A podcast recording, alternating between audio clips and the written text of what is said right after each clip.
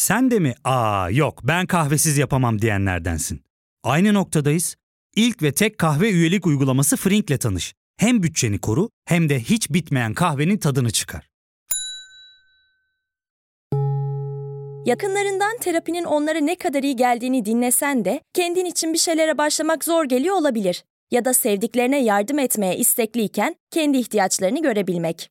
Hayvel, uzman psikologlarıyla kendi ihtiyaçlarını bulmanda sana destek olacak. Terapi yolculuğuna başlamak için detaylı bilgi bölümün açıklamalarında.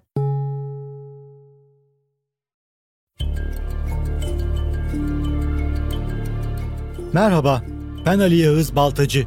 Bilgisel'in yeni bölümünde yakın tarihimizin en enteresan krizlerinden birini, Kardak kayalıkları meselesini ele alacağız. Hazırsanız başlayalım.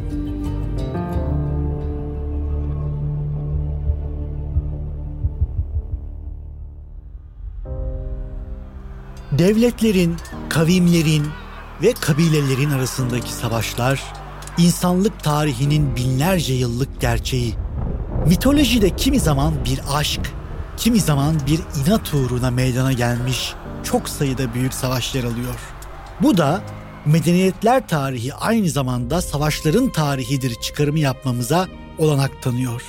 Ancak günümüzden sadece 28 yıl önce iki komşu ülkenin içinde insan bile yaşamayan iki kayalık uğruna savaşın eşiğine gelmesi kuşkusuz daha büyük bir şaşkınlık ve merak uyandırıyor.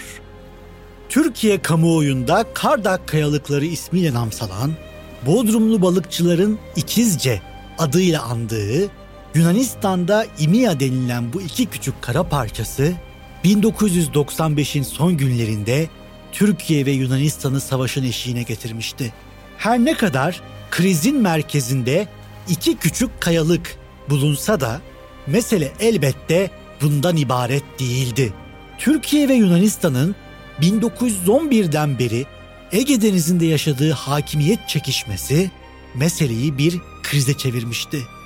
Asırlık çekişmenin büyük bir krize dönüşmesi için sadece bir kıvılcım gerekiyordu. O kıvılcım tam 25 Aralık 1995 günü parladı.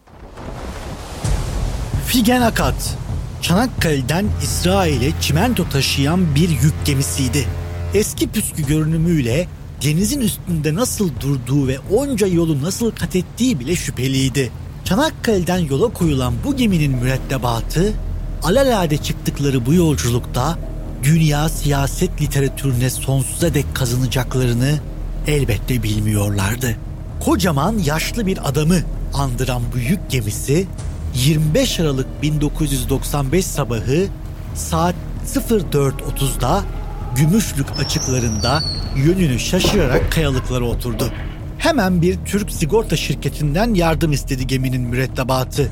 Ertesi gün güverteye çıkan sigorta şirketi yetkilileri gemiyi nasıl kurtarabileceklerini düşünmeye başladılar. Aynı saatlerde Yunanistan'ın Ankara Büyükelçisi'ne Atina'dan bir telgraf geldi. Mesajı okuyan Büyükelçi sıkıntıyla iç çekip Türkiye Dışişleri Bakanlığı'nın yolunu tuttu. Büyükelçinin elindeki zarfta Yunanistan'ın Ankara'ya gönderdiği bir nota bulunuyordu. Notada kısaca şu ifadeler yer alıyordu. Figen Akat isimli Türk gemisi Yunanistan karasularında karaya oturmuştur. Kurtarma işlemini Yunan makamları gerçekleştirmelidir. Türk gemileri ve mercilerinin bölgeden derhal ayrılmasını bekliyoruz. Türkiye Dışişleri Bakanlığı ise zaman kaybetmeden bu ifadeleri reddetti ve karşı bir nota ile Yunanistan'a cevap verdi. Ankara ve Atina arasında notalar gidip gelirken gemi mürettebatının bekleyişi sürüyordu.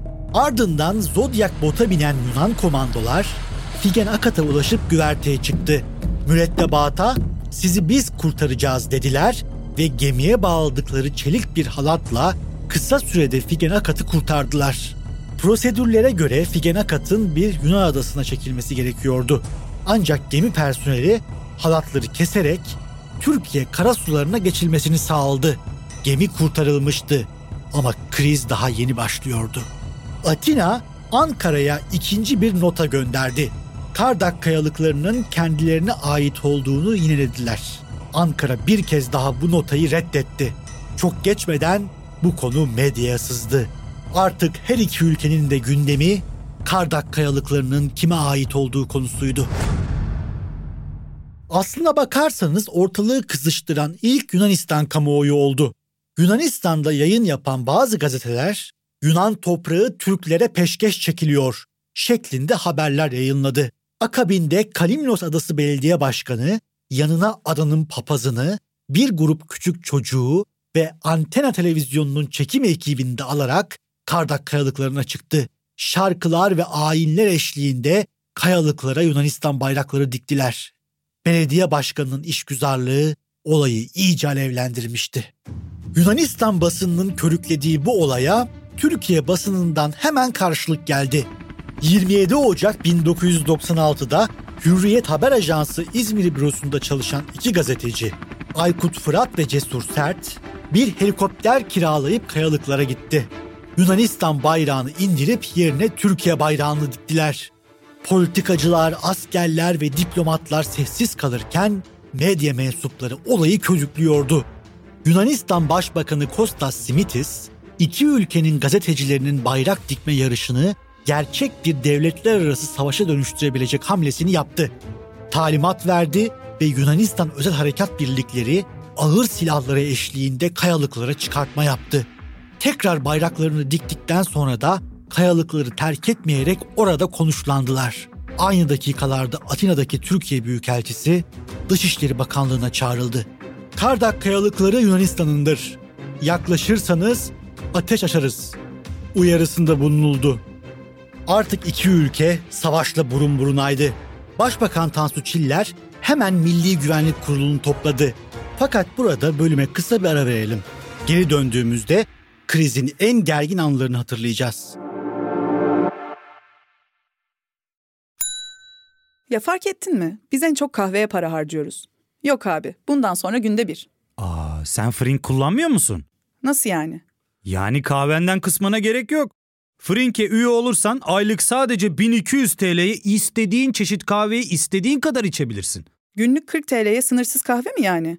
Çok iyiymiş. Aynen. Hatta şu anda 200 TL'lik bir indirim kodu da var. E hadi hemen indirip üye ol da bu fırsatı kaçırma.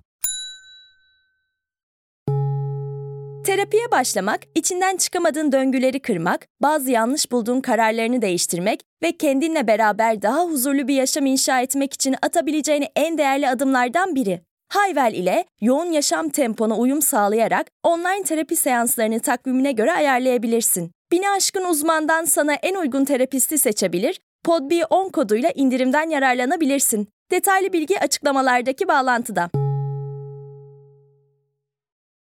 Yunanistan'da zafer şarkıları söylenirken Türkiye'de ayağa kalkmıştı. Acil koduyla bir Milli Güvenlik Kurulu toplantısı düzenlendi. Başbakan Tansu Çiller bu toplantıda önce diplomatlara şu soruyu sordu. Kardak kayalıkları hukuki olarak Türkiye'ye mi ait? Diplomatlar evet yanıtını verdiler. Ardından askerlere döndü. Kardak kayalıklarının Türkiye için önemi nedir diye sordu. Bu soruya verilen yanıt ise şöyleydi. Bu kayalıkların bizim olmadığını kabul edersek, Ege Denizi'nde sahibi belli olmayan 150'den fazla ada, adacık ve kayalığın da Yunanistan'a ait olduğunu kabul etmiş oluruz. Bu bizim deniz kıta sahanlığımızı da doğrudan etkiler. Bu yanıt başbakan için yeterliydi. Kardak mutlaka geri alınacak, gerekirse silah kullanılacaktı. Yaptığı konuşmada resmen savaş mesajı veriyordu. O bayrak inecek, o asker gidecek. Tek bir yolu var. O güne dek neredeyse kimsenin varlığından dahi haberdar olmadığı iki küçük kaya parçasından Türkiye ve Yunanistan'ın 100 yıllık adalar ve Ege Denizi sorunu fışkırmıştı. Milliyetçilik nutuklarının birbiriyle yarıştığı günlerde dönemin Cumhurbaşkanı Süleyman Demirel hükümete ve askerlere şunları söyledi. Hem Genelkurmay Başkanı hem de onun yanındaki generaller çok kararlı bir şekilde yanıma geldiler. Benim dediğimden de çok hoşlanmadılar. Onlara bakın bu sebeple savaş çıkarsa bunu Türk milletine izah edemeyiz. Bugün ederiz ama yarın edemeyiz. Dünyaya da izah edemeyiz. Gidin bir yol bulun dedim. Süleyman Demirel tecrübeli bir politikacıydı. Bu yüzden savaş çıkarsa dönemlik bir gerilimle herkesin ayağı fırlayacağını ama gelecekte bu işin vebalinin kendilerine kalacağını anlıyordu. Başka bir formül düşünmeye başladılar. O formül ise Dışişleri Bakanlığı Müsteşar Yardımcısı İnan Batu'dan geldi. Batu, bölgedeki iki kayalıktan birini Yunanistan, diğerinde Türkiye'nin almasını önerdi. Böylece pozisyon eşitliği sağlanacak ve savaş ihtimali ortadan kalkacaktı. Bunun dışında atılacak her adım savaş ya da teslimiyet demekti. Her ne kadar Başbakan Çiller savaş mesajları verse de perde arkasında bu işin kansız çözümü için hazırlıklar başlamıştı. 30 Ocak 1996 gecesi Türk Silahlı Kuvvetleri harekete geçti.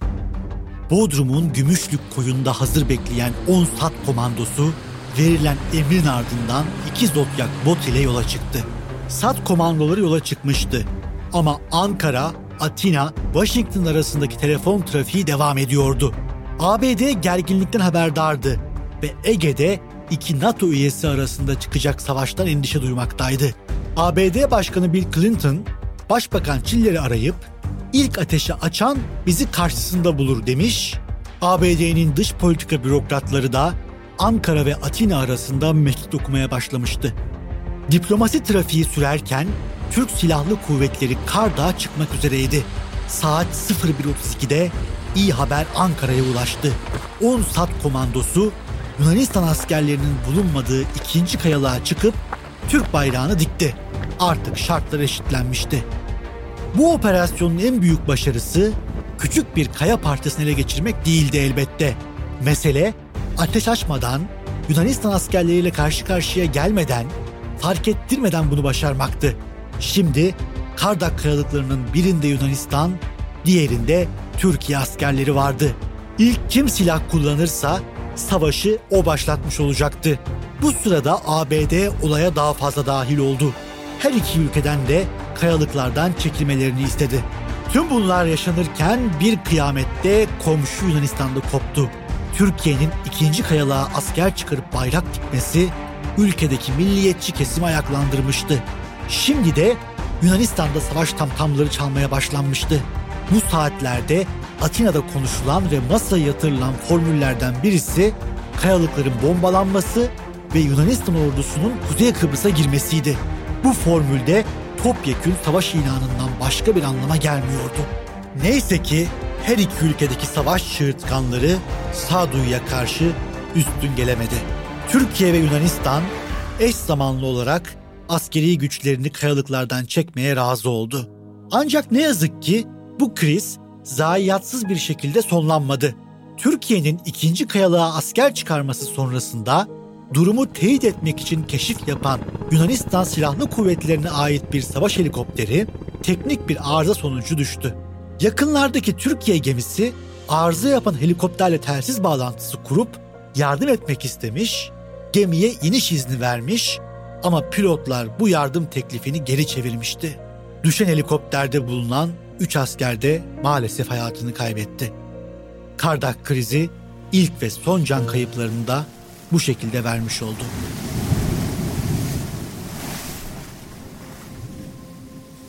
Bir ay beş gün süren Kardak kayalıkları krizi 30 Ocak 1996'da Türkiye ve Yunanistan özel kuvvetlerinin kayalıklardan eş zamanlı olarak çekilmesiyle son buldu. Kriz savaşa dönüşmeden sona ermiş, diplomasi galip gelmişti. Ancak bu krizden öğrendiğimiz bazı sonuçlar oldu. Bunların kuşkusuz en önemlisi Ege deniz sınırlarının ne kadar çetrefilli ve krize müsait olduğu.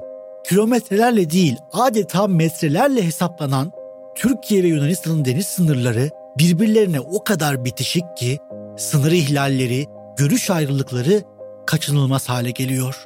Bir diğer önemli sonuç ise Türkiye ve Yunanistan'ın tarihten devraldıkları krizler ve yükler sonucu en ufak bir kıvılcımda birbirlerine karşı kolayca belenebilecekleri ve elbette 110 yıllık bir mesele olan adalar sorunu. Bugün hala Türkiye ve Yunanistan makamlarının farklı görüşler ortaya koyduğu bu mesele gelecekte de yeni krizlere gebe olabilir.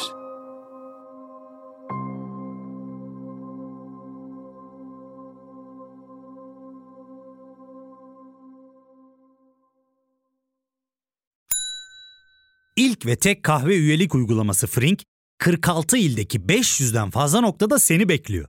Açıklamadaki kodu girerek sana özel 200 TL'lik indirimden faydalanmayı unutma. Hadi sen de Frink üyeliğini başlat, kahven hiç bitmesin. Bugününe hem yarınına katacaklarıyla terapi yolculuğuna ve daha iyi hissetmeye bugün Hayvel ile başla. Açıklamadaki linkten Hayvel'i indir, ücretsiz tanışma görüşmelerinin ardından bütçene uygun seans paketini seç ve terapi yolculuğuna başla.